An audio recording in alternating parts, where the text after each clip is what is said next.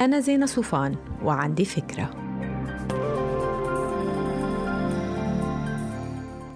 هاي كنا بجامعة مؤخرا وإذ كذا حدا بيقولوا ليش 2019 كانت سنة قاسية وسيئة. في واحد فقد شخص عزيز. في واحد خسر عمله. في وحدة عانت شهور مع طفل مريض. وأكيد في أشياء كتير ما انقالت بالقعدة لكن في ناس ندمانة عليها أو موجوعة منها. الحديث انتهى بأنه الأصحاب عبروا بالدور عن توجسهم وخوفهم من السنة الجديدة. ومع أني اشتغلت كتير على حالي تكون محصنة ضد السلبية لكن الحقيقة أنه نحن بشر وبنضل نتأثر. بلا طول سيرة الحديث بالجامعة تغير شوي شوي وتحول وحلت الخفة. محل الجدية بلش الضحك والتنكيد والسعادة الحقيقية اللي بتجيبها القعدة مع الأصحاب والأحباب. بعدين قعدت فكر إنه يمكن المقاربة الصح لكل إخفاقات وخسائر عام منصرم هي بالتركيز على الاستنتاجات الصحيحة منها يعني اللي فقد عزيز لكن بعده قادر يضحك هو مثال حي على روعة الحياة وقابليتها لأنها تنعاش رغم كل شيء. هيدا بينطبق على اللي فقد وظيفة وقعد بناء قدرته على الانطلاق خارج منطقة الأمان.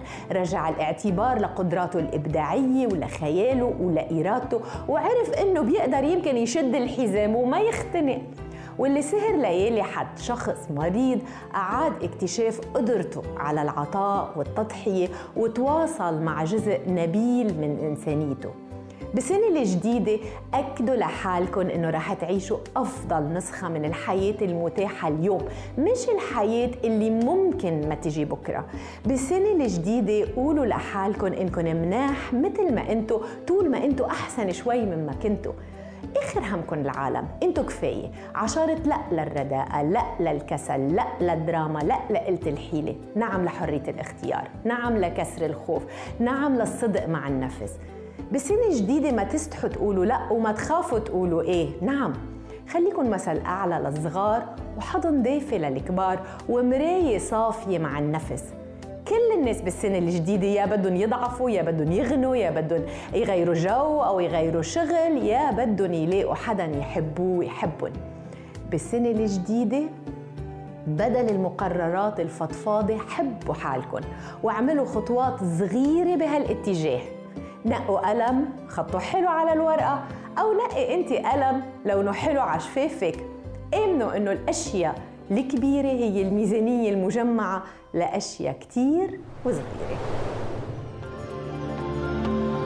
ما تنسوا تعملوا download للفكرة تعطوها rating وتساعدوني بنشرة. bye